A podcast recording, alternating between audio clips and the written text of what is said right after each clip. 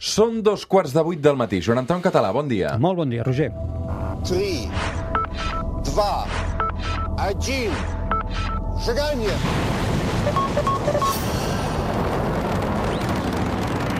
One small step for man, one giant leap for mankind.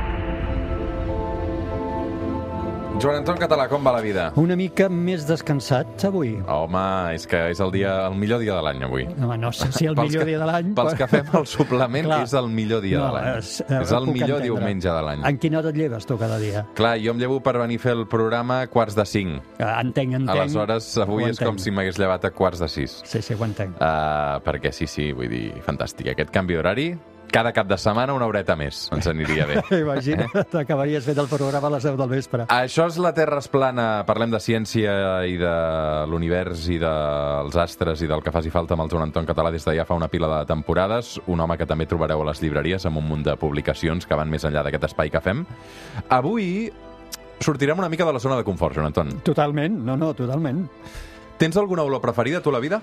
Uh, ostres, preferida, mm, no sé, com a químic estic acostumat a moltes olors que igual per una persona normal serien com estranyes i per mi em recorden a la meva joventut, per tant en tinc moltes de preferides. una, una eh? olor química que t'agradi, que... Per exemple, totes les olors dolcetes que provenen d'alguns àcids orgànics, quan estàs en un laboratori, fins i tot eh, la mateixa olor de, del formol, que és com, no?, que és a vegades molt desagradable. No sé, jo com que d'alguna forma m'he criat, entre cometes, eh, mm. enmig de- d'aquestes olors, doncs en són molt familiars. L'olfacte i la química estan molt relacionats, no? És, ara veurem què és. Bàsicament és química, com moltes altres coses. I fins i tot està relacionat amb la quàntica, també? Imagina't, eh? N'hem parlat molt de la quàntica i sembla que és una cosa fora del nostre àmbit quotidià i ara en parlarem. Està perfectament relacionat amb l'olfacte. Avui amb el Joan Anton Català afinem l'olfacte.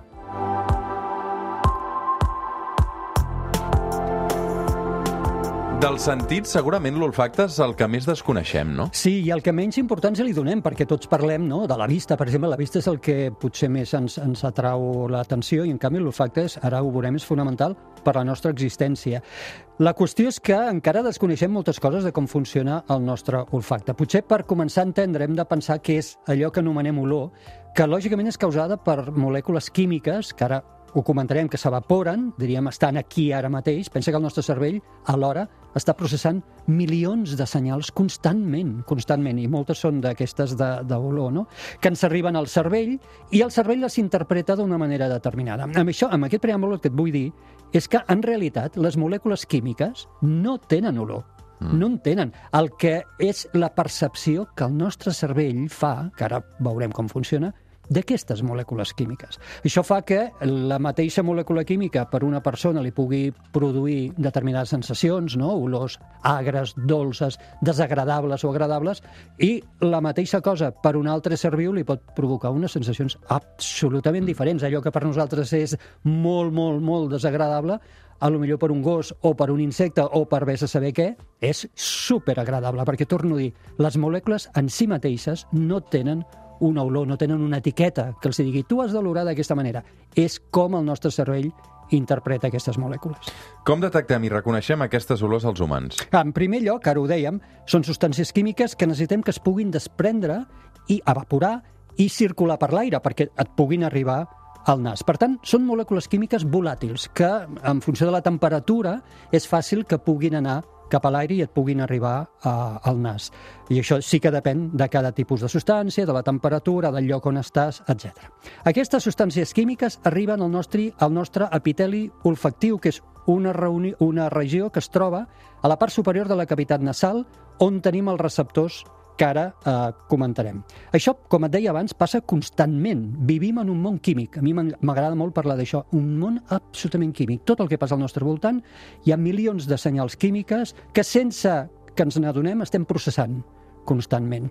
Com dèiem, aquestes molècules han de ser volàtils per poder completar el camí des de l'origen fins al nas, però alhora no poden ser excessivament volàtils perquè han de poder passar a través de la mucosa que recobreix aquest epiteli olfactiu. Aquesta mucosa, eh, diríem, seria com una barrera que les molècules corren el perill de ser diluïdes dins d'aquesta mucosa. Per tant, han de ser volàtils, però no el suficient com per poder quedar permanentment atrapades dins d'aquest epiteli.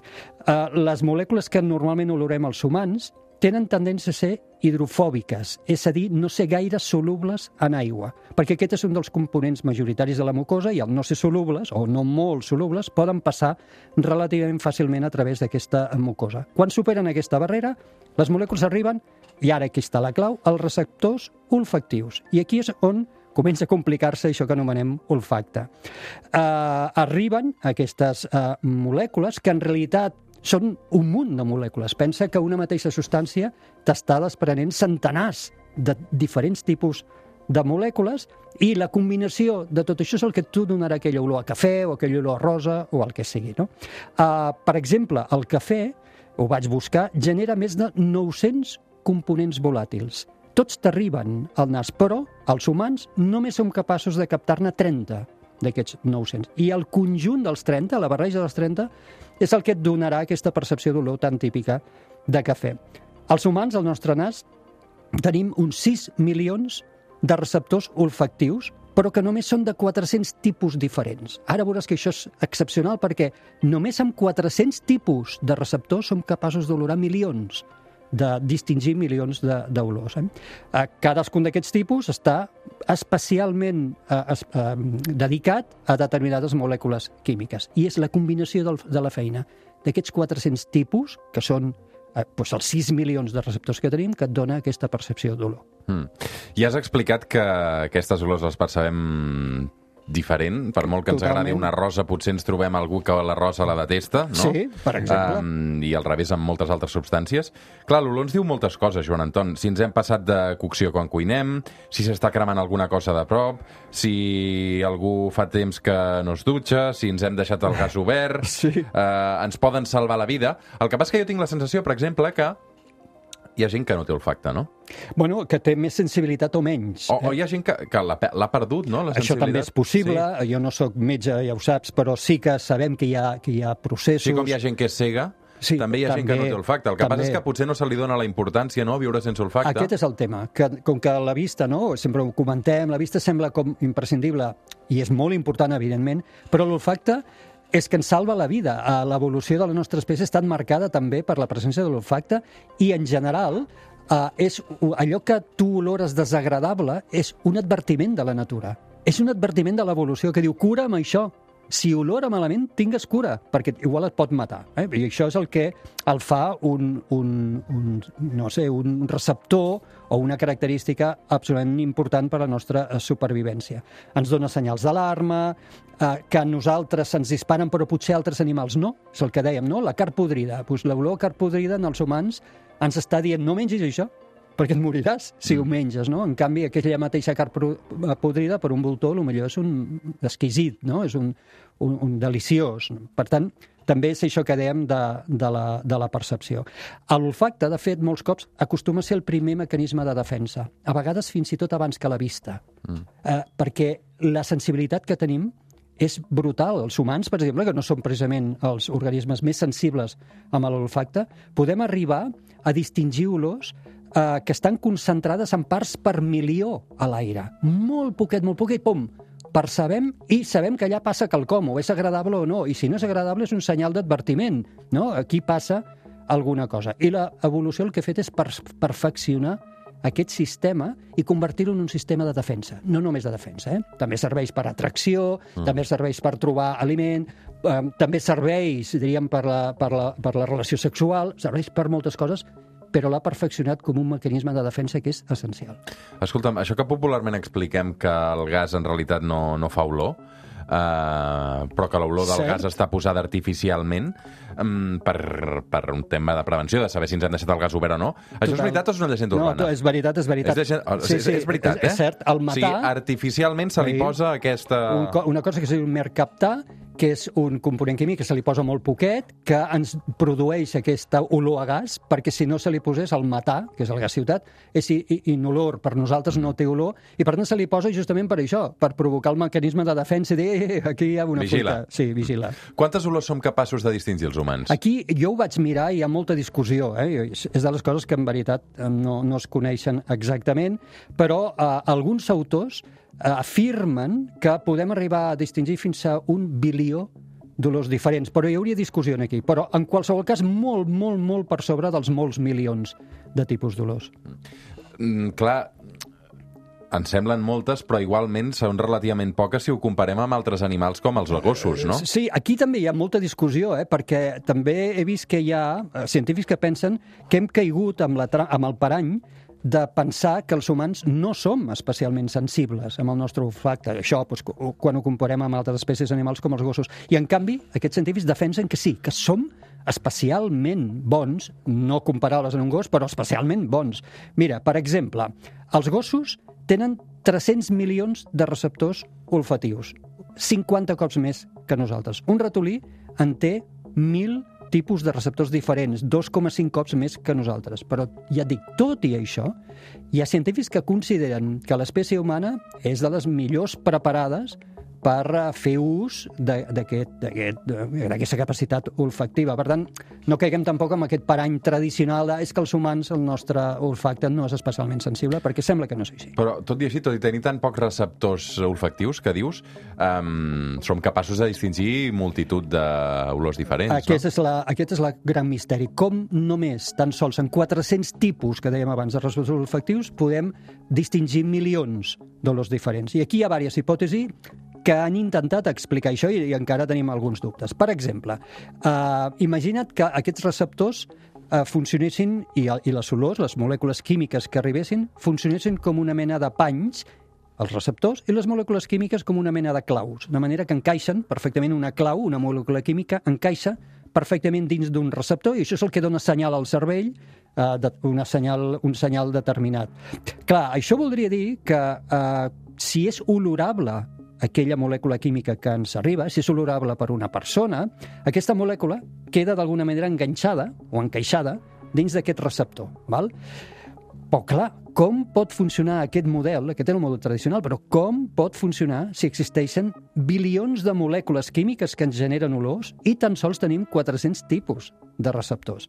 Doncs aquest model el que ho intenta explicar dient, val, val, en realitat el que s'enllaça, és a dir, la clau que s'enllaça al pany, no és tota la molècula química, sinó només una part d'aquesta molècula química, el que anomenem en química un grup funcional.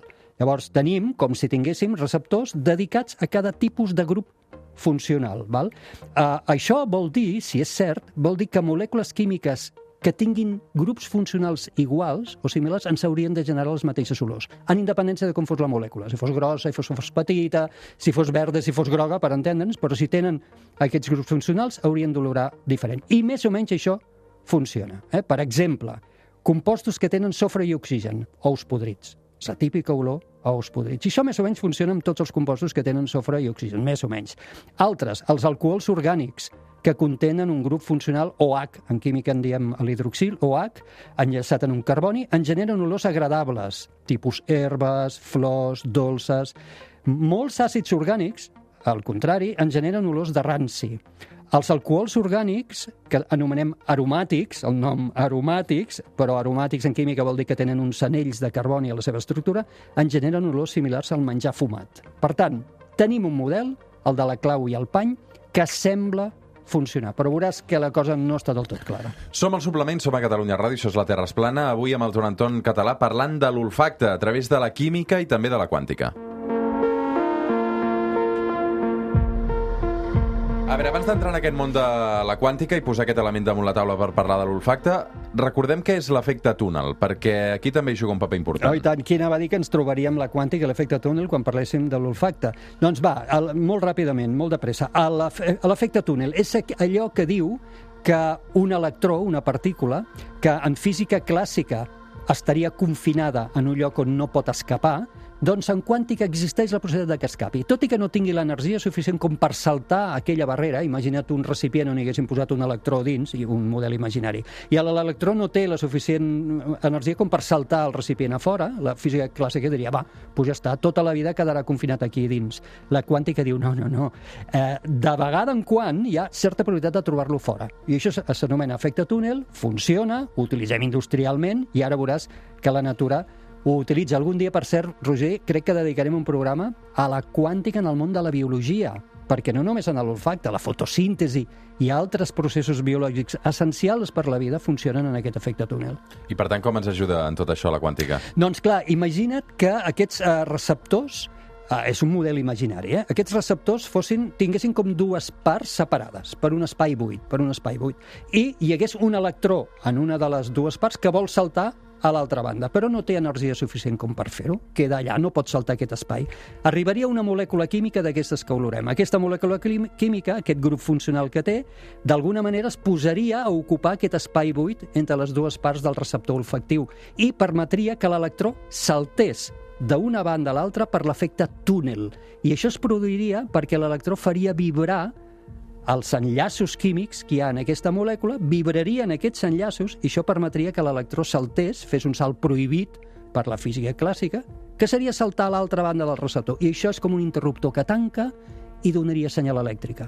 I això és el que en el receptor faria que li arribés un senyal al nostre cervell i dir «Ei, aquí acabo d'olorar aquesta substància o aquest matís olfactiu. Per tant, la quàntica seria com tancar l'interruptor d'aquests eh, receptors. Extraordinari, Roger. És dir, hem anat a buscar la quàntica per intentar explicar una cosa que funciona no només dins del nostre cos, sinó dins del cos de tots els organismes que tenen aquesta capacitat olfactiva, qui, qui, ho, anava, qui, qui ho hauria dit?